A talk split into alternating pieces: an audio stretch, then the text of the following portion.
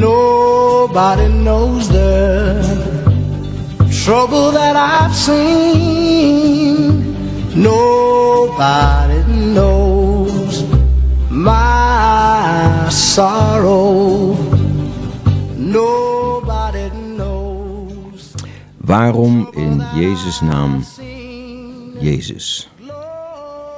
Radio Bontekoe, mijn naam is Frederik de Groot. En ik heb de eer oh, tegenover Joshua Oosterhuis te zitten. En Joshua, mag ik zeggen, is dat ja, goed? graag. Ik heb je eh, een aantal keren als voorganger horen preken. En dat eh, heeft veel indruk op mij gemaakt. En ik begreep in ons voorgesprek dat het ook een passie van je is, het geloof en, en, en hoe je dat naar buiten brengt, de vormgeving daarvan. Maar we komen straks naar je leven toe, vind ik heel belangrijk. Maar als de allereerste korte reactie zou, als ik dat zou vragen, waarom in Jezus' naam Jezus? Waar kom je dan uit?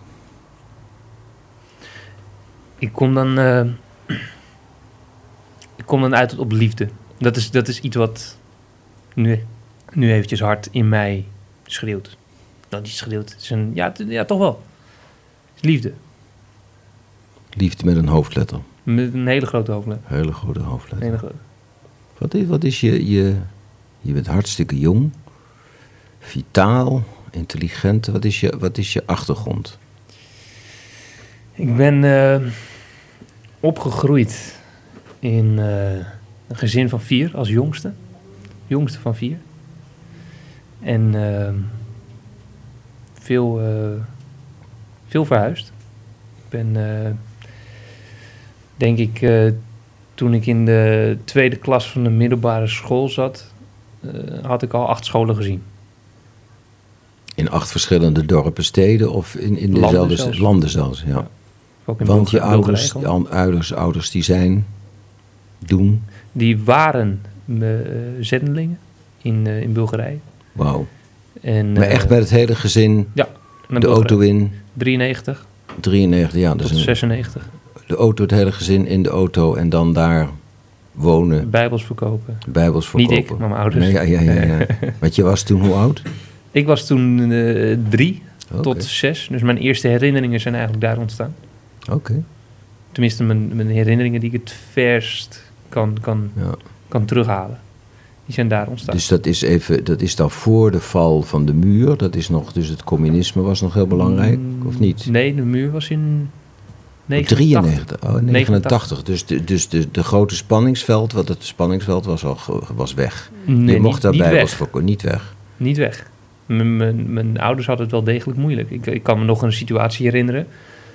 Toen was ik, want we gingen een aantal keer heen en weer. Ik ben er niet continu gebleven. Dus eh, we gingen in de zomer wel eens weer terug naar Nederland. En dan weet ik nog heel goed, mijn, volgens mij was het de laatste zomer, eh, dus van 96. Toen was ik zes.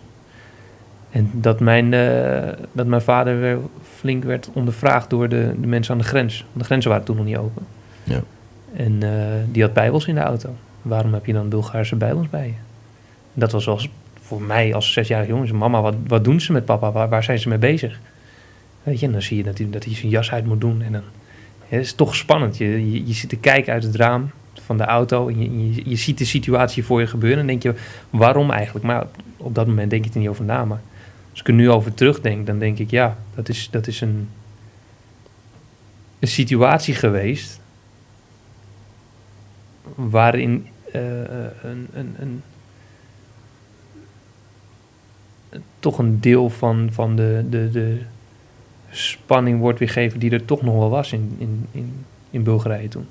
Want wat had je vader kunnen overkomen dan? Van de, de- gearresteerd worden? Of het Ja. mocht niet, het was niet de bedoeling. Nou goed, eh, heel, heel praktisch voorbeeld is dat, die, eh, dat, dat eh, de douaniers eh, sigaretten op zijn jas gingen uitdrukken. Omdat om, om even te laten zien dat ze de baas zijn. En even te laten zien. Ze liepen er allemaal, allemaal rond met geweren van, Ja. van formaat. Want je praat nog over het communisme dan, in die, Ja, in die zin ja, van... dus niet de bedoeling dat je daar bijbels gaat uitdelen. Nee, nee, echt, echt de, de, de sfeer die daar hing. Ja, als je, ik ben er dan eh, verschillende keren terug geweest en dan zie je nou, eh, hele oude Lada's en daarnaast zie je de nieuwste Mercedes rijden. Ja. En dan weet je van ja, de, het verschil Ja. daar tussen arm en rijk is zo groot. Ja. En dat je dan Dat je dat later allemaal... Ken je dat, dat je een herinnering hebt van vroeger... en dat je het later kan, kan, Ja. pas vertalen naar wat het eigenlijk was? Ja, in de context. Ja, in de context een zien. Kijk, op dat moment als jonge jongen zie je het gebeuren... en je. Je, hebt een bepaald idee, maar je... Maar kan je dat deel van je jeugd, is, zit daar angst bij? Dat je denkt, Nee. ja, niet dat niet. Nee. Dat niet. En waarom, op wanneer, ik ga het anders vragen. Op welke leeftijd, welk moment in jouw leven dacht je, oh ja, ik begrijp al waarom papa, ik zeg het even heel flauw, bijbels verkoopt. Want ik kan me voorstellen dat je al die tijd iets hebt van, ja, een boek is een boek. En dat, ja, gaan we, dat, gaan we er iets mee doen? Maar dat je dan ineens denkt, ja, ik, ik snap waarom de Bijbel, waarom dat boek? Wat, is, daar een moment of een, een, tijd geweest dat je denkt, oeh ja, wacht even, hier gaat het over. Nou, Het zal rond mijn tienerjaren geweest zijn. Ik denk, ik denk, het is misschien raar, maar dat zal de moment, het moment zijn geweest dat ik bewust een keus moest maken. Of ik nou wilde geloven of niet. Ik weet dat ik rond mijn zestiende echt zat te struggelen van, ja, is God nou echt? Bestaat hij nou wel echt? Moet ik dit nou wel geloven? Of, Want om je nog een keer te onderbreken, dus tot je zestiende was het allemaal een beetje, mama doet zo, papa doet zo, eh, mijn broertje zo, iedereen doet een beetje zo gelovig en er wordt veel gebeden en uitgelegd en exegese desnoods met een, met een kleine letter. Nee, maar ik bedoel, Ja. je denkt, maar ik nog steeds, Ja. ja. ja, het zal allemaal wel, maar ik, what about moi? Ja, en, en, en het moment dat je, dat je eigenlijk... Dat ik echt bewust een keuze had gemaakt... merkte ik ook dat ik meer dingen ging begrijpen van waarom doe je Ja, iets? Waarom ja, zou je bijbels verkopen in een land die helemaal geen bijbels wil? ja. Eigenlijk. Ja, maar nou zit het er dik in, de volgende vraag. Wat is dan dat punt, dat punt dat je ineens op je 15e, 16e zei... hey, ik ga me dat afvragen, ik ga me dat... Want je wordt als het ware, als ik het heel profaan zeg... word je dus heel bewust van iets wat je altijd onbewust geaccepteerd hebt... als Ja. een vorm van waarheid. Het gezin is evangeliserend bezig. Eh, papa verdient misschien niet eens zoveel geld als hij als grootzakenman had kunnen verdienen... maar heeft een leven en je moeder ook opgeofferd Ja. aan Absoluut. idealen, noem het dan heel simpel zo. Mhm. En dat je dan ineens denkt van, hé, hey, Ja. wat, is, is, daar, is, daar, is daar iets van terug te vinden in, je- in je hoofd of in je gedachten... of dat je mensen ontmoet hebt of eh, je knikt ja, dat wil zeggen dat ik mijn mond hou. Nee, nee, nee. Ik ben, eh, ik ben de situatie even aan het terughalen. Eh, heel, heel concreet. In eh, 2004, 2005 hadden we jongerenkamp. En dat was een, eh, een kamp in de zomer met heel veel jongeren uit de gemeente waar ik toen de tijd naartoe ging. En ik weet nog wel dat ik daar eh, een hele reële ontmoeting heb gehad met God. Als jonge jongen, ik was toen 15, 16. Dat je als ehm, hele jonge jongen in aanraking komt met zoiets groots. Iets, iets wat, je, wat, wat je... Maar kan je dat plekken voor mij van in een tent of in een Nee, het was- of zo? Of, nee, het eh, was, het was zeg maar zo'n woonboerderij was het. Een hele grote woon. We waren daar met 200 jongens, jongeren. waar, Dus waar een beetje in... eh, nou ja, hè, ja, nee, ik weet het. ben- daar in de buurt. Oh, ja. Daar in de buurt. Ja. Of in Som. Nou, ergens in Noord-Brabant daar. Ja. Het was een heel mooi, eh, nou heel mooi. Het was, het was heel, heel leuk. Het was een hele grote woonboerderij met allemaal kamers waar de jongeren op sliepen. En dan één grote zaal. En daar hadden we dan dienst. Zeg maar de, de, de, de- ja, de zaal. En dat was dan, dat weet ik nog, dat was 's ochtends om 7 uur was dan, eh, ging, was er vroeg gebed. Daar mocht je voor kiezen. En daarna was het ontbijt. En dan om 10 uur was, was, was de dienst. En dan hadden we in de middag hadden we sportactiviteiten. En in de avond hadden we weer een dienst. En dan soms in de middag hadden we ook weer wat, maar dat waren dan meer, dat was het vrijer, zeg maar. En dan in de avond hadden we weer een dienst. En meestal waren de avonddiensten, waren, waren, was er veel gebed. En kwam er veel los in jongeren. En hoewel ik niet veel heb meegemaakt, ik bedoel, waren jongeren die waren mishandeld door hun ouders en echt heel, hele heftige dingen hadden meegemaakt. En dat had ik niet, maar ik merkte toch dat ik... ehm, Dat was in de avond, bij het avondgebed. ja, dat was bij het avond. Ja, dat je dat, dat, toen kwam er een, een, een soort struggle, Ja, een soort van... ja, ja. Er was, er was een moment dat ik, dat ik echt ervoer van... heb ik God wel echt aangenomen in mijn leven? Want ik ga wel naar de kerk en ik, en ik ga wel met mijn ouders mee. Ja. En ik ben al opgevoed en ik ken alle kinderverhalen. En de bijbelverhalen ken ik. Maar, maar heb ik het voor mezelf wel echt geaccepteerd? En dat was eigenlijk het moment... Heeft dat te maken met een vraag of een preek of een woord of een, of een iets heel concreets? Ja, ik denk de hele atmosfeer. Oké, dat is me- oké. Dus ik bedoel, het was vijf dagen lang. Ja, Dat je, dat je met elkaar zit. Je bent compleet van de buitenwereld eigenlijk afgesloten. ja, Je had geen telefoons. Tenminste, Ja. ik had geen mobiele telefoon toen. Dus ja. je bent eigenlijk helemaal afgesloten van alles. En je, en, je, en je bent in het moment bezig. Wat is nou echt belangrijk? Wat, wat is nou belangrijk voor mij? Oké. Daar komen we straks, ik kan bijna niet missen op terug. We krijgen nu eerst een keuze van jou.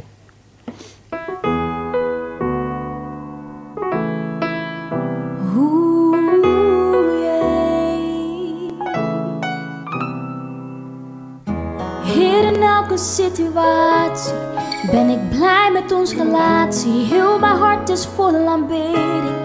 Mijn aanbidding is voor u. Niemand kan zo van mij houden. Nooit zoveel als u. Daarom zeg ik, Heer, mijn aanbidding is voor u. Alles wat ik heb wil ik geven aan u, Heer. En nog zoveel meer.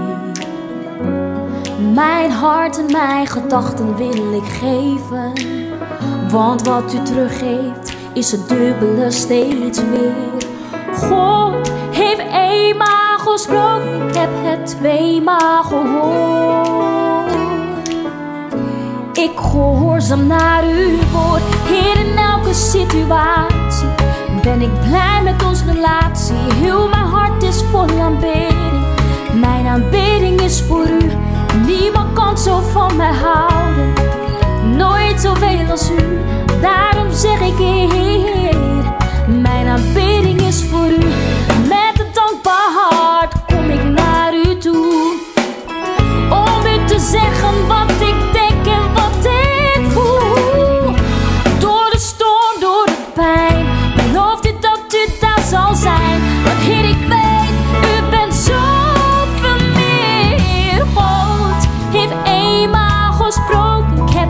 het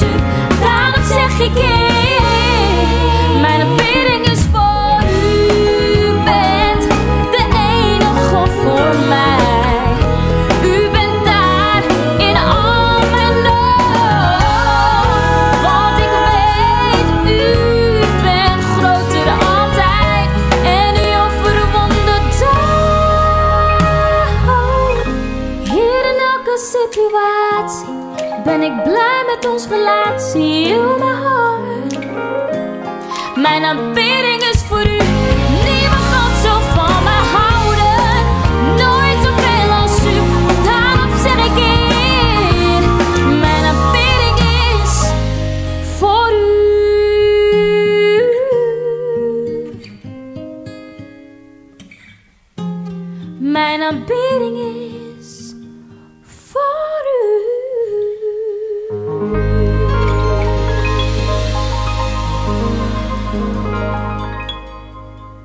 Joshua, Joshua Oosterhuis. Als ik het goed heb, ik weet het wel bijna zeker, hebben we net geluisterd naar jou, Naar mijn vrouw. naar je eigen vrouw. Ja, ja. Conservatorium gedaan. Ja, net afgestudeerd.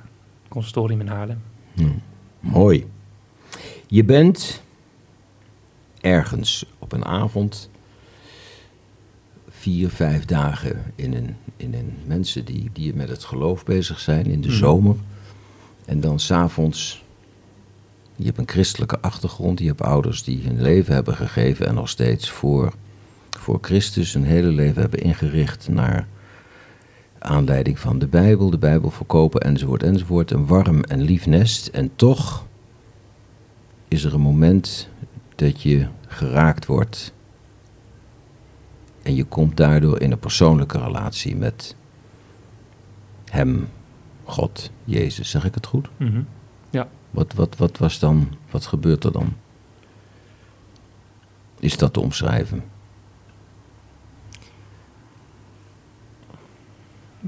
Je, ik denk gelijk even nou, hè. Ehm,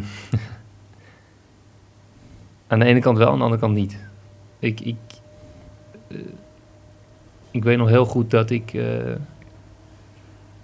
dat ik een diepe vrede ervoer. Die, die, die ik nog nooit had ervaren. Gewoon een, het klinkt misschien gek voor een 15-jarig jongetje, maar je ervaart gewoon iets wat je van binnen en, en dat, dat typeerde ik als God. Dat, dat dacht, daarvan dacht ik van ja, dat is, dat is iets wat alleen God kan, lijkt mij. Mhm. En dat, dat is wel hoe ik dat, hoe ik dat zie op dat moment, die diepe vrede en, en de geborgenheid. Maar als je teruggaat in de tijd en je gaat naar dat moment daar rondom. Jij bent van ons twee de, de theoloog. Jij bent de man van de. Jij weet wat er allemaal in de Bijbel staat. Maar ik weet bijna zeker dat er ergens in de Bijbel staat: kloppen, klop, klop.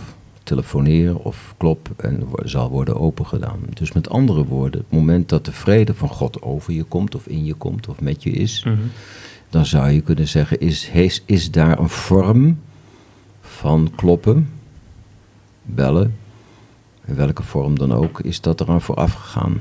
Begrijp je wat ik naartoe? Ik draai het Ja. dus om. Hè? Je zegt als het Mhm. ware: de vrede komt in mij, maar Ja. Jezus zegt wel een aantal keren: Ik ben er altijd, maar je zult wel zelf een stap moeten doen, moeten kloppen. Was dat ook achteraf gezien, dat je dat op dat moment niet weet of ervaart? Dat kan ik me iets bij voorstellen, maar dat je denkt: ja, Nou, je, je, eh, ik was er niet bewust mee bezig in de weken daarvoor. Maar op, op, op dat moment zelf, ik, ik denk dat ik het beste ook, aangezien je de Bijbel aanhaalt, ook weer bij je terugleg met de Bijbel, is dat God heel duidelijk zegt, nader tot mij en ik zal tot u naderen. En dat is een belofte die God ons geeft. Als wij ons uitstrekken naar hem, zal hij ons niet teleurstellen. En het is grappig, maar bij dat, als ik dat zo zeg, dan zie ik een beeld erbij van, van ik die vroeger van de trap afsprong en mijn vader ving me op.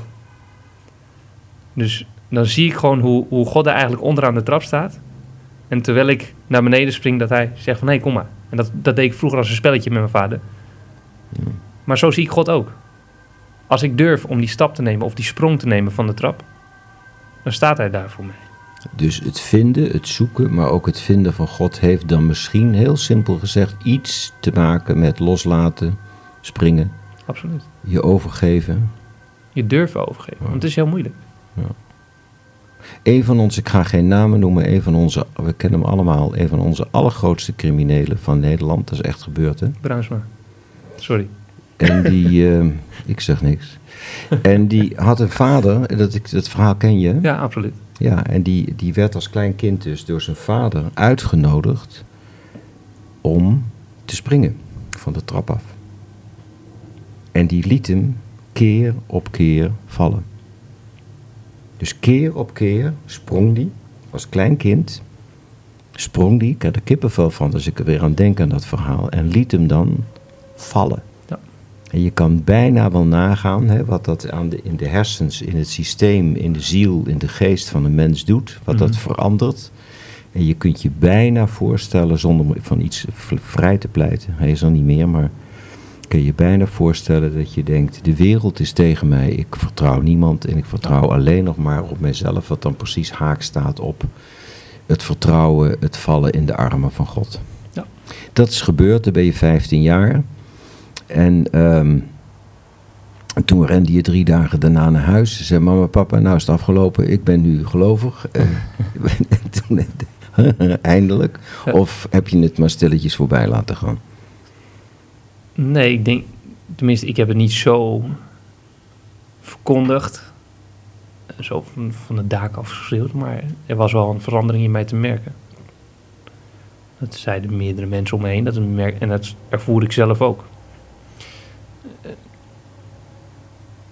Dus ja, eh, er, heeft, er is wel een verandering geweest.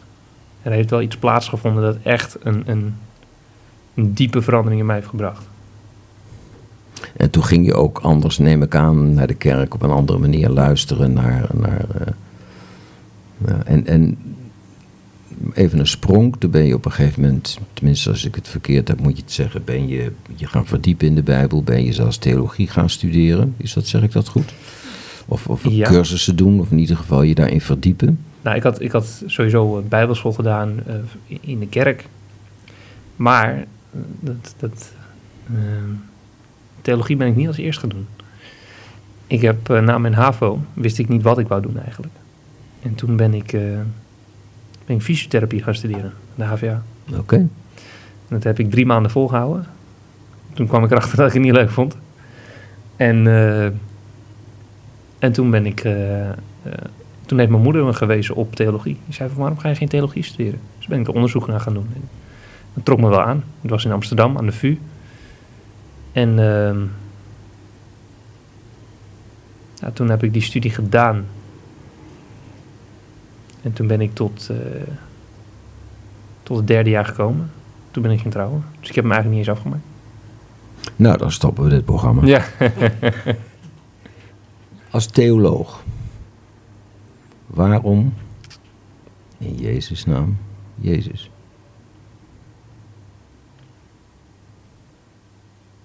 Liefde heb je genoemd. Dat kwam ook spontaan uit je hart. Dat kwam spontaan uit je mond. Liefde met een hoofdletter.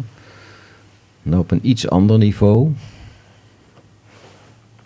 Ik ben geïnteresseerd in het onderwerp en ik vraag aan jou met een glas wijn in de hand, s'avonds bij mij thuis, van waarom, waarom, waarom niet gewoon hardlopen, wandelen, mediteren, eh, een beetje goed eten, goed zijn voor je medemens, eh, de kat niet meppen, maar gewoon een goed mens zijn en eh, ze nu en dan misschien zelfs mooie muziek luisteren, naar je vrouw luisteren als, als, als zangeres of voor goede sport doen, vrijwilligerswerk enzovoort enzovoort. En dan krijg ik ineens waarom, dat is dan mijn vraag, waarom, waarom niet, maar wel Jezus.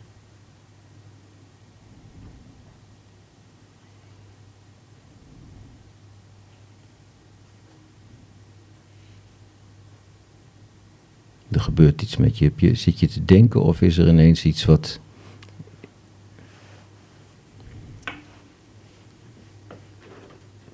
Ik, ehm,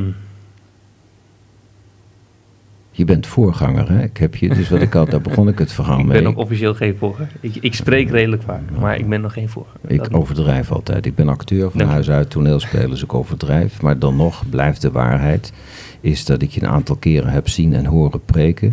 Dat doe je met ontzettend veel gemak. Misschien eh, je vader en je moeder eigen, dat weet ik allemaal niet precies. Maar ik vraag je deze vraag met meer dan normale kennis over de Bijbel, het Nieuwe Testament. En Mhm. ik zie je denken, denken, denken, denken. Als ik vraag waarom niet Boeddha, waarom niet water drinken, waarom niet Ja. op je hoofd staan. Ik, ik snap hem. Ik ben, ik ben er al, denk ik. Het, het- ik kan het van een hele rationele kant bekijken. Jij, het is jouw dag, jij mag kiezen. Je mag ze allebei doen. Ik, ik ga het vanaf een hele rationele kant bekijken. Want mijn eerste antwoord was heel erg vanuit mezelf, vanuit de diepte. En dat is liefde. Ja. En dat, dat blijft vaststaan. En als ik moet kijken vanuit de rationele kant... dan ga ik het eigenlijk... Dan breng ik, het- ik, ik, ik zie voor mezelf zie ik heel vaak plaatjes. Ik zie, ik zie hoe iets gebeurt. En, Ja. en waar ik het dan eigenlijk naartoe breng is de tijd van Jezus zelf. Ja. De dingen die Jezus zei in bijvoorbeeld de bergreden, wat deze vijf, aantal hoofdstukken. De dingen die hij zei waren zo controversieel. Als je bedenkt dat je in een maatschappij leeft waar oog om oog is, tand om tand. En als Jezus dan iemand is die zegt, keer je andere wang toe. Dan ben je op, sowieso in, in, in in de Joodse cultuur in die tijd, eh, klopte dat niet. Want hij liet een liefde zien die zij alleen maar konden krijgen door middel van offering, door middel van je best doen. En als je niet je best deed, dan was je niet goed genoeg. ja. En hij was een Jood, hè? Even En hij was een Jood. Even- ja, Ja. Je- en Jezus was een Jood en hij was een geleerde ook. Hij, hij leerde ook aan- in de synagoge. Ja.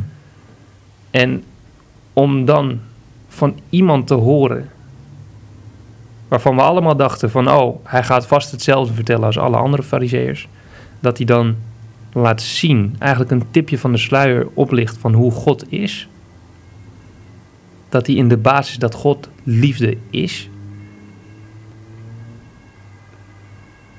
Dat alleen al, daarbij denk ik van ja, daarom Jezus. Omdat niemand anders zoiets heeft verkondigd dan wat hij heeft verkondigd. En wat ik heel bijzonder vind, is dat zeg je al zonder te anticiperen in je antwoord op wat ik eigenlijk verwacht had, op de kruisiging en de opstanding. Zelfs in de bergreden, dus tijdens zijn leven, nog tijdens zijn bestaan hier in, dit, in dat lichaam, in de bergreden, zijn beroemde, daar zeg je al, daar gaan intellectueel ook alle, alle bellen al over. Ja. Ik denk, ik denk dat ehm, de kruisiging en de opstanding, dat dat eigenlijk een, een dat is iets wat sowieso plaats moest vinden. Oké. En Jezus had de keus om dat te doen of niet. En het feit dat hij dat toch deed, dat laat zien dat alles wat hij in de bergreden zei, dat hij dat zelf volbracht had. En dat betekent niet dat ik de kruisiging en de opstanding niet belangrijk vind, maar, maar het feit dat hij zoiets kan achterlaten voor de mensen, Ja. in, in hoe dat in Matthäus is omschreven, Ja. Hij heeft het daar al voor gezegd en gedaan en geleefd Ja. enzovoort. Ja. Ja, en dat, dat, dat is eigenlijk de, de, de bergreden is het woord en de kruisiging is het daad. En hij heeft daad gevoegd bij het woord wat hij heeft uitgesproken. En dat is die liefde laten zien die God voor ons heeft. Punt. Punt. Muziek.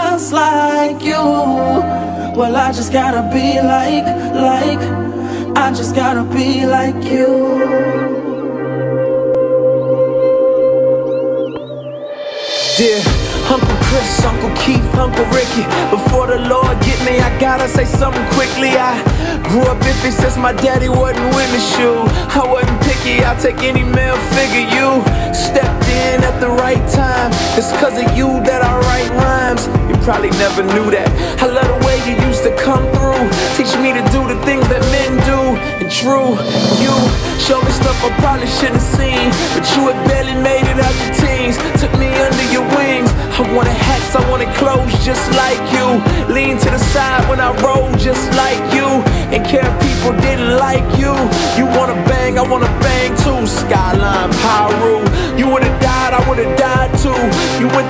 got sick, lost your pops, yeah, I cried too. You never know who's right behind you. I got a little son now, and he do whatever I do. But it's something deep inside you that tell you it's gotta be more than doing what other guys do. They had nobody there to guide you, but I followed your footsteps, and this shouldn't surprise you. You realize you, you realize you, you, yeah. I just wanna be like you. I just wanna be like you. Like, talk like, even think like, like you. The only one I could look to. You're teaching me to be just like you. Well, I just gotta be like, like. I just gotta be like you, like you. Now all I see is money, cars, jewels, stars, womanizers, tough guys, guns, knives, and scars. Drug pushers, thug strippers, fast girls. Everything I wanted and everything I could ask life. If this ain't living, then they lied well. Guess I married an old wives' tale. Wow, fail. I don't know another way to go. This is the got this emptiness inside that got me fighting for approval. Cause I missed out on my daddy saying, way to go. Ain't get that verbal affirmation. I know how to treat a woman, know how to fix an engine to keep the car running. So now I'm looking at the media and I'm following what they feed me. Rap stars, trap stars, whoever wants to lead me. Even though they lie, they still tell me that they love me. They say I'm good at bad things, at least they proud of me. I just wanna be like you. You walk like, talk like, even think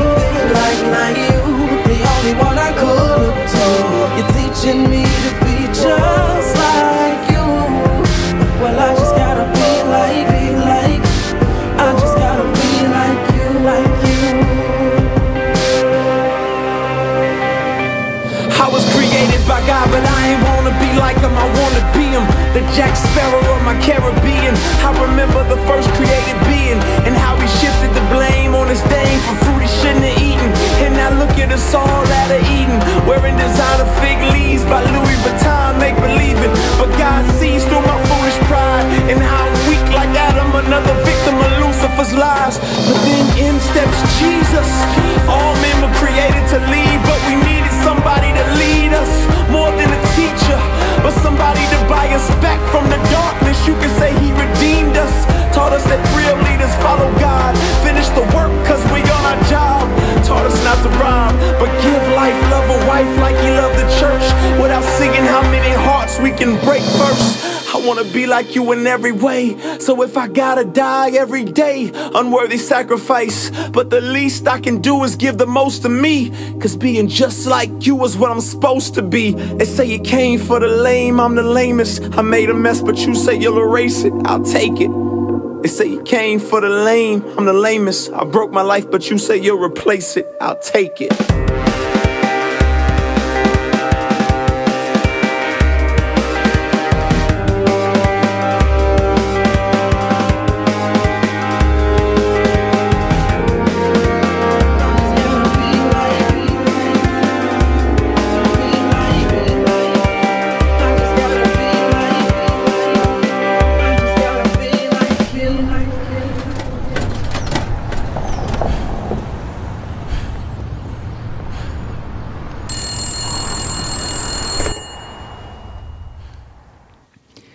Wat we net gehoord hebben. Waarom? Wat is de. Een kind en een vader iets. Ja, ik, eh, ik word eh, in januari voor het eerst vader. Dat was ook eigenlijk de reden voor nummerkeuze eigenlijk. Ehm, de, de desbetreffende artiest hier heeft het eigenlijk over een vaderfiguur waar hij wanhopig naar op zoek was. En zo zie ik heel veel eh, vrienden van mij en kennissen van mij die opgegroeid zijn zonder vader. Of wel met vader, maar die eigenlijk er niet was. En dan zie je eigenlijk hoe, hoe elk mens op zoek is naar een, een, een vaderfiguur in zijn leven.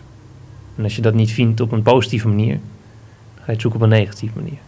Maar iedereen is er nou op zoek en dat is die liefde. En daarom staat het vaderfiguur staat ook voor liefde, voor identiteit. Wie ben ik? En dat is eigenlijk de reden voor dit nummer. En ik neem aan dat het laatste wat jij wil laten gebeuren is dat je je kind niet opvangt. Dus dat je Ja. een vader bent voor een kind wat altijd opgevangen wordt en niet valt. En nou zijn er mensen, dit is even helemaal eh, los van alles. Er zijn natuurlijk ook mensen die het gevoel hebben dat ze ook door de vader met een hoofdletter in de steek gelaten zijn. Kun je het voorstellen? Die denken, ja, ik heb zoveel jaar in de kerk gezeten en ik ben belazerd door een priester, ik ben beledigd door een dominee, ik voel me... eh, dus de vader, hè, God de vader als steunpunt, als toeverlaat, als, als daar kan je op vertrouwen, is weg. En daardoor als ze ons programma horen, als ze jouw mooie stem horen, als ze dit gesprek horen, denken, ja, het zal allemaal wel. Christendom, waarom Jezus, zoek het uit. En Ja. God heeft mij al zo vaak. Heb, is daar een antwoord op? Is daar een, een, een gedachte aan te wijden? Of zeg je van, Heel kort.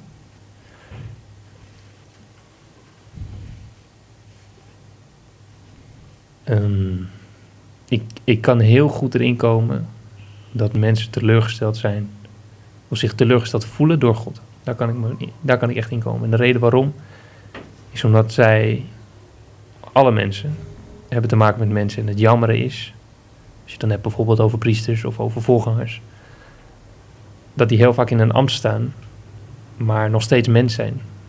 En als zij dan het vertrouwen van mensen krijgen en die schade, dan reflecteren heel veel mensen dat gelijk op God. Omdat dat een ambassadeur is van God hier op aarde. En, en dat kan heel veel pijn doen. En dan snap ik waar de gedachte vandaan komt van ja, God heeft mij teleurgesteld. En dat vind ik heel jammer, dat breekt mijn hart. Omdat dat niet iets waar God voor, staat. En dan vind ik het jammer dat het beeld wat zij van God hebben, dat dat zo vertroebeld wordt door hetgeen wat zij zien. Dus je zegt eigenlijk, als ik het mag onderbreken, dan nog probeer oprecht aan te kloppen. En God en Jezus is er voor ons, ongeacht wat wij denken van priesters, dominees, eh, wat er ook gebeurd is, de bruinsmaas in deze wereld. Dat is eigenlijk wat je zegt. Ja. Laat je niet verleiden door wat er allemaal gebeurt, maar zoek en gij zult, u zult, jij zult, het kind zal vinden, wat er ook gebeurt. Ja. Even terug als het mag, eh, dat, ja, ik heb het wel gehoord hoor, dan zit ik nog een beetje op het goede spoor. maar even terug naar de rationele kant van, zo heb je het zelf benoemd, naar de rationele kant van de bergreden. Van Jezus, waarom Jezus? Ja, van waarom Jezus. Eh, Toen had je het over de bergreden. En, en kan, je dat, kan je dat substantiëren met, met een tekst, met, een, met, met wat daar dan door Jezus toen gezegd zou zijn? Dat je zegt, ja, dat is nou een voorbeeld van de prelude op zelfs alles wat er daarna nog ging komen. Zo heb je het een beetje aangegeven in mijn oren. Ja. Als ik één ding aanhaal eigenlijk vanuit de bergreden, dan is het eigenlijk het moment dat Jezus zegt, ehm, ik heb het even erbij gezocht en dan staat er in hoofdstuk 5, vers 17, staat er, meent niet dat ik gekomen ben om de wet of de profeten te ontbinden. Ik ben niet gekomen om te ontbinden, maar om te vervullen. Dus wat, en daar, daar, daar voorafgaand was een heel verhaal over wat je, hè, over, over oog om oog, tand om tand. En wat hij daar eigenlijk zegt, en op een gegeven moment komt dat later ook terug, en dan zegt hij, de hele wet is te vervullen in deze twee dingen. En dat is, heb God lief boven alles en je naast als jezelf. En dat is voor mij de essentie van waarom Jezus. Jezus laat hier, Heb God lief als, nee, heb God lief boven alles ja, en je naaste alles. als jezelf. En daarin is de hele wet eigenlijk vervuld in die liefde. Want je kan, eh, en de reden waarom, je, je, je kan mensen wel vertellen van hé, hey, dit mag je niet doen, of God zegt dat je dit niet mag doen. Maar ehm, dat is allemaal van buitenaf opgelegd. En dat is ook heel vaak waar de kerk voor heeft gestaan en waar heel veel mensen over nadenken bij de kerk. Van ja, dan mag je dit niet, je mag zus niet, je mag zo niet. Maar daar gaat het geloof niet om. Het geloof gaat erom dat je eigenlijk van binnenuit zo brandt van liefde dat je bepaalde dingen niet meer wilt doen. Hm. Of juist dingen wel wil doen. Als ik kijk naar mijn vrouw, het is niet dat zij mij zegt om bepaalde dingen niet te doen. Of dat zij mij zegt om, hè, doe de afwas of doe de was, weet ik veel wat. Ze is zwanger nu, dus ik moet een hoop doen. Maar Ja. En het wordt Maar- uitgezonden dit ook. Ja. hè, Dus, eh, ja. nee, lieverd, ik hou van je. Nee, ehm, Net op tijd. Ehm, maar het gaat erom, omdat ik van haar hou, doe ik bepaalde dingen. Maar dan zou je dus kunnen zeggen dat als je God lief hebt bovenal, als dat, als, dat, als dat gebeurt in jezelf, dan wordt dus medemenselijkheid, het liefhebben van, ander, van de ander, wordt in feite bijna normaal. Want dat wordt gevoed door, dat is wat je Ja, zegt. Ik, ik denk het wel. Ik, Ja. ik, ik heb wel het idee, en daar moet ik mezelf nog wel aan herinneren, maar dat ik wel met de bril van Jezus naar mensen kijk. In die zin dat ik probeer te kijken naar hoe God naar een mens zou kijken, mijn naaste. Mhm. Dus als iemand mij iets aandoet, Mhm. probeer ik niet te kijken naar, ehm, naar hetgeen wat diegene mij heeft aangedaan, maar dan probeer ik te kijken naar van waarom doet diegene zo. Wat is de reden dat hij zo doet? En dan ligt er heel vaak Ja. gebrokenheid achter en pijn. En dan kijk je als het ware door Gods bril, dan kijk je anders en daardoor kan je medemens lief hebben omdat je zelf bij God bent, van God houdt. En daardoor kan je ook zien wie de ander is. Dat is dan een, dat is een, er zit een, een verband tussen. Daar denk ik wel, ja. Je hebt net gezegd ehm, waarom Jezus. Toen zei je, je hebt gekozen voor een rationeel, intelligent, dat kan bij jou niet anders, antwoord. het zit er dik in dat ik nu ga vragen, wat is het emotionele, de emotionele respons op die vraag. Dus waarom Jezus, als je dat aan mij of iemand zou zeggen van, ja, uit mijn hart, uit mijn emotie, uit Mhm. Omdat ik soms het gevoel heb dat ik niet begrepen kan worden door, door mensen. Soms heb ik zelfs het idee dat ik, en ik denk dat een, ieder dat wel heeft, maar voor mij persoonlijk, dat je zelfs niet iets kan vertellen aan je vrouw of aan je beste vriend. En omdat ik denk van als ik dat zeg, dan gaan ze me raar aankijken. Of als ik dat, dat gevoel uitspreek, dan gaan ze anders over me denken. En, en die geborgenheid, dat is dan het emotionele kant, denk ik. Dat is waar Jezus voor mij voor staat. Want ik ben niet bang om alles wat ik ervaar, om dat terug te leggen bij God. En eigenlijk ehm, heel kwetsbaar mezelf op te kunnen stellen. Wat zelfs eigenlijk ik niet durf neer te leggen bij mijn Geliefde. geliefde Ja. of mijn beste vriend. En dat is een, dat is een, dat komt voort uit een, misschien wel een angst om, om afgewezen te worden. En, en dat je die bij Jezus niet ervaart. Dat gaat zo, zo diep. Dat, dat, Ja. dat, dat is dus die emotionele kant waar ik het... Ja, dat is een heel, een heel wezenlijk antwoord. Je kunt, eh, je kunt met mensen elke dag samen zijn en ze lief hebben tot Sint-Juttemus. En toch kunnen er... En God heeft onszelf gemaakt. Dus die weet al voordat wij het al denken, voordat we maar een impuls hebben, weet hij toch wel waar het over gaat. En dat mogen we dan ook nog een keer delen. En dat kunnen we dan ook nog een keer checken, want we krijgen nog een antwoord. En je zou zelfs kunnen zeggen dat als God geen antwoord geeft, maar dat gok ik een beetje uit eigen levenservaring, dat als hij geen antwoord geeft, dat dat wie zwijgt stemt toe. Dan zegt God, oké, ga maar verder zo. Dus dan komt er geen antwoord in de zin, je moet dit en je moet dat. Dan is de stilte is niet de verhuiveringwekkende stilte van God, maar het is een toestemming van, yes. mooi, prachtig, zo. Nou, hoe bereid je je voor op een preek? Hoe doe je dat? Ehm, in gebed. En, en veel nadenken. Ik ben iemand die heel veel nadenkt. Ik, ik hou ervan om... is totaal niet te merken in dit gesprek. Nee, hè? Nee, nee het is, ik dacht, ik wou net meer stoppen. Ik denk, nou, de man doet maar wat. Hij, Ja, roept, ja. maar, hij roept maar wat. Laten we dat maar niet uh, laat maar zitten. Nee, maar goed, ik- jij denkt, nou, heel ik goed. Denk, ik denk redelijk veel na. En, en het punt is, ik wil, als ik spreek, wil ik niet dat een preek maar voortkomt uit mijn eigen ideeën of mijn eigen dingen. Ik wil wel daadwerkelijk dat, dat ik iets versta van wat God ook wil doorgeven. Want uiteindelijk, als ik spreek, dan gaat het niet om mij, maar ik sta in dienst van. Ja. En, en dat is wel iets wat ik echt heb moeten leren. Ik, ik, ben, ik ben heel jong, zie ik mezelf ook. En, en ik weet totaal nog niet alles. En dat is ook niet aan mij om alles te weten. Maar, maar ik heb wel wat dingen geleerd. En dat is namelijk dat alles wat ik vertel of alles wat ik zeg of overbreng aan mensen, dat dat. Dat ik zelf nooit goed genoeg zou kunnen zijn om dat over te kunnen brengen. Maar door de genade van God en die genade die Jezus mij heeft gegeven, Ja. mag ik dat doen en kan ik dat doen. Ja. En, en zo zie ik dat ook. Dus als ik mezelf voorbereid, probeer ik altijd eerst in gebed te gaan. En vervolgens neem ik eigenlijk mijn Bijbel bij de hand en, en, en lees, ga ik gewoon lezen. En soms kan ik wel een uur lezen en dan ga ik maar lezen. En, en pak ik verschillende eh, boeken erbij. En, en, en dan probeer je eigenlijk een idee wat dan ontstaat. Dat kan ontstaan uit de herinnering. Of, of als je echt het idee hebt dat, dat God iets op je hart legt. En van daaruit ga ik eigenlijk verder werken. Ja. En, en, en komt er uiteindelijk op, eh, op de dag dat ik moet spreken, dan, dan heb ik Ja. iets. En, en dat is elke keer weer anders. Nou ja, wat je ook vertelt is dat je dus het vertrouwen hebt dat Gods woord op zich al voldoende is. Dat jij en ik niks aan toe te voegen. Dat is ook, loopt dat parallel aan het vak wat je vrouw gekozen heeft. In mijn beleving althans, conservatorium, zingen, opera of wat het ook mag zijn. Is dat een, een goede zanger, zangeres zal moeten leren. Ik denk dat dat parallel loopt aan, aan voorganger zijn.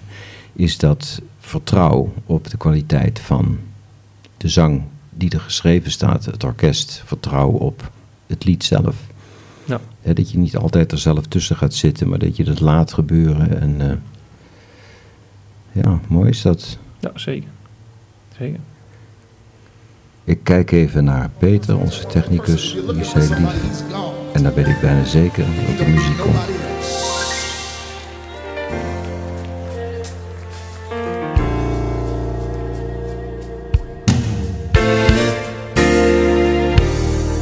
There's no question of your greatness,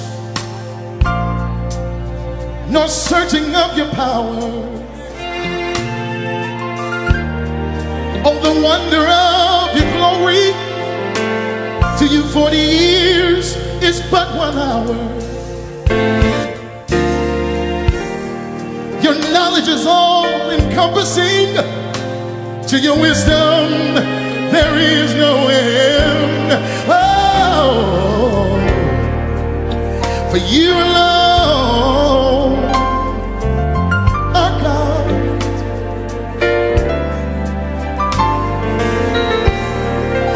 You are God alone.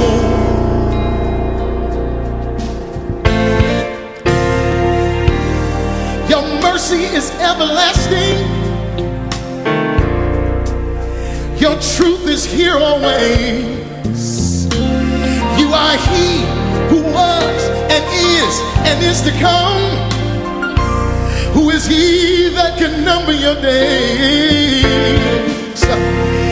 You flung the sun to burn in space, and the night's moon powers light from day. Oh,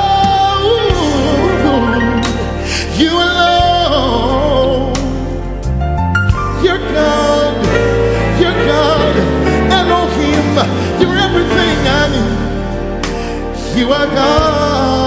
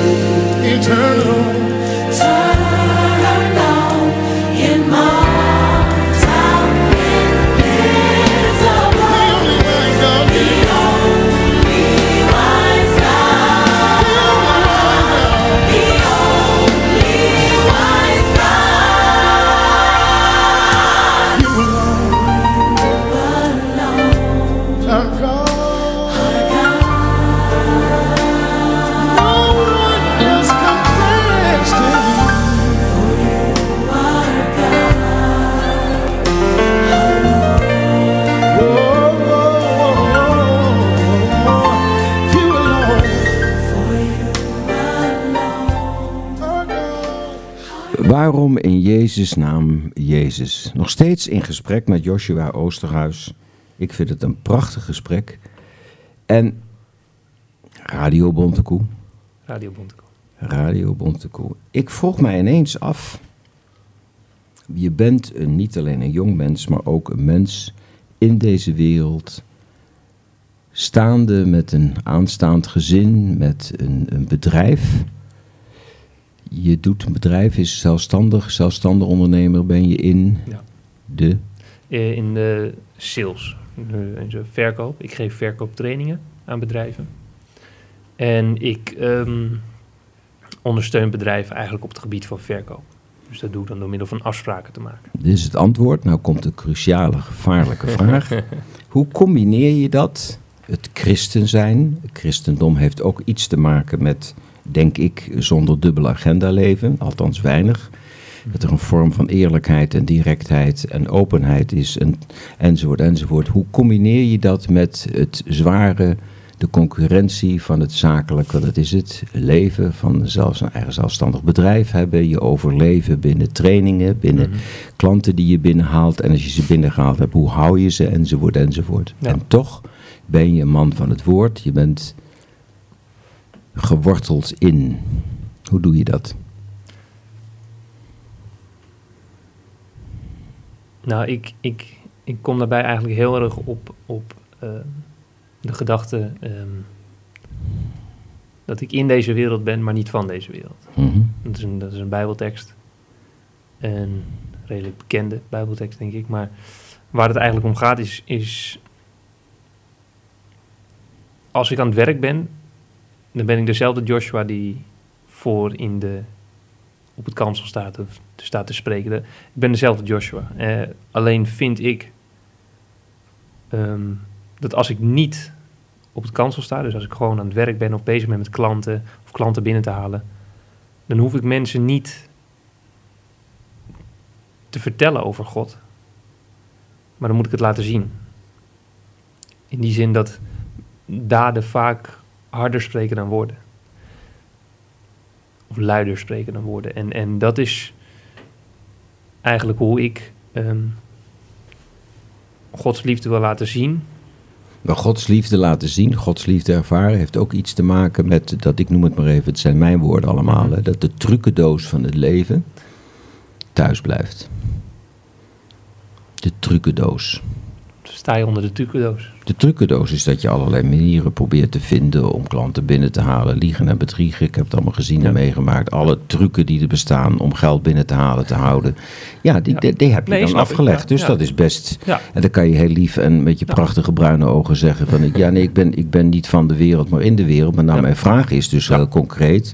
Je krijgt, dan, dan komt de muziek, heb je even de kans om dit Ja. antwoord te formuleren voor jezelf. De vraag is, hoe doe je dat? En dat meen ik is echt een hele oprechte vraag van... Je bent in de wereld, je bent, en je bent met je bedrijf bezig. En die trucendoos, en als je hem niet gebruikt, hoe doe je het dan wel?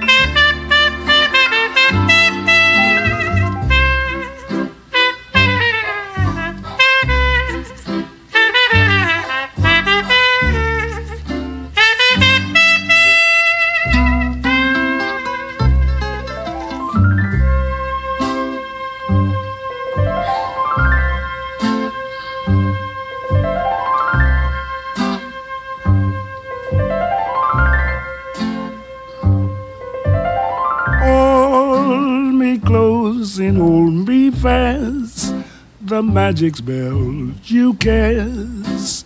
This is Vie en Rose.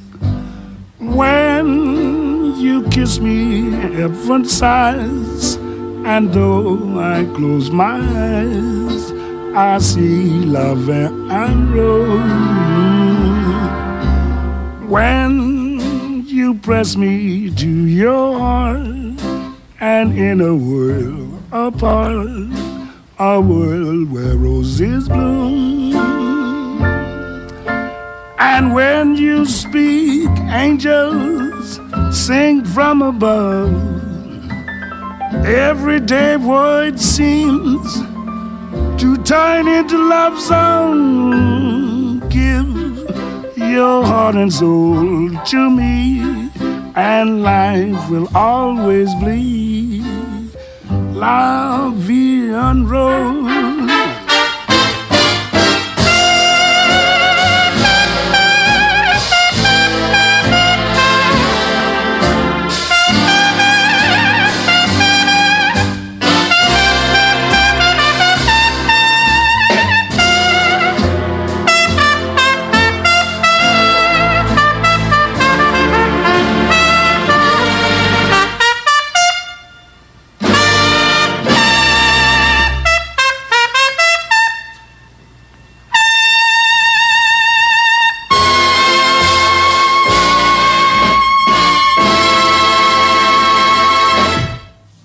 Wij als mensen hebben de, de gewoonte om, als we iets willen, om een strategie, een tactiek te gebruiken om dat doel te bereiken, om dat binnen bereik te krijgen. En dat doel, die strategie om dat doel te bereiken, zou je een heel onaardig een trucendoos kunnen noemen. Mijn vraag was aan jou, ik spreek met Joshua. Waarom in Jezus naam Jezus, Radio Bontekoe, je hebt een bedrijf, je geeft trainingen, je hebt te maken met klanten en toch wil je ook, of je bent, dat wil je niet eens, je bent christen, je weet Gods wil geschieden, amen. Hoe zorg je ervoor dat je niet in de verleiding komt om, ik zeg het heel flauw, te jokken? Ja. ja, ik snap de vraag. En Dank ik je vind, wel. Ik vind, het, een hele reële vraag. Nee, maar dat, het is iets waar, waar ik toevallig met, met een oud klant van mij over heb gehad. Die oud klant van mij is ook gelovig. En, en hij zei, hij vond het heel belangrijk dat ik integer was. Dat hij zei van, ik wil niet dat als je uit mijn bedrijfsnaam belt, dat je leugens gaat verkondigen. Maar dat is iemand, sorry dat ik je weer onderbreek, Ja. dat is een christen, dat is iemand Ja, die snap ik. gelooft. Ik kom, naar mijn Nou, punt. ik kom naar mijn punt. Helemaal niet kwalijk. Ik kom naar mijn punt. Kijk, wil ook met een politicus spreken. Heel goed, ik kom nog tot mijn punt. Het, het ehm, meest belangrijke wat ik vind in mijn bedrijf is ehm, dat ik integer kan zijn. En dat houdt in, en daar ben ik ook heel duidelijk over naar mijn klanten, dat ik juist eigenlijk vertel wat mijn tekortkomen zijn. Als zij vragen van, hey, Josh, ga jij, of Joshua, ga jij, eh, ga jij tien afspraken voor mij scoren elke week? Dan zeg ik nee. Als ik dat zou doen, dan zou ik een leugenaar zijn. Dus juist door heel direct eerlijk te zijn,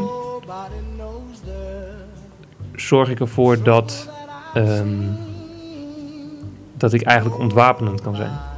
En dan heb ik zoiets van, ik heb liever dat mensen me accepteren zoals ik ben, dan dat ik een plaatje voorhoud van wie ik niet ben. Om ze binnen te halen. En ja, er gebeurt heel veel in het wereldje van verkoop en verkooptechnieken en trucendozen, zoals jij dat aanhaalde. Eh, maar dat is iets waarin ik juist heb geleerd om zo integer mogelijk te zijn. En dan ga je ook ontdekken dat bepaalde bedrijven wel heel mooi zijn in eerste gezicht, maar misschien helemaal niet de juiste klant voor jou zijn. De inspiratie die ik gekregen heb van jou in dit gesprek is wat je nu zegt, dat ik denk dat God vanuit zijn perspectief zo naar de mensheid kijkt. Hij gebruikt geen trucjes. Nee. Hij zorgt, hij leidt en hij zorgt ervoor dat wij worden wie we bedoeld zijn ooit te worden en te zijn. Ja. Dankjewel. Amen. Joshua, dankjewel voor dit eh, mooie gesprek. En dit was Radio Bontekoe. Waarom in Jezus naam? Jezus en het antwoord heb ik vier keer gehoord. Dankjewel. Ja, bedankt. Sometimes I'm almost to the ground.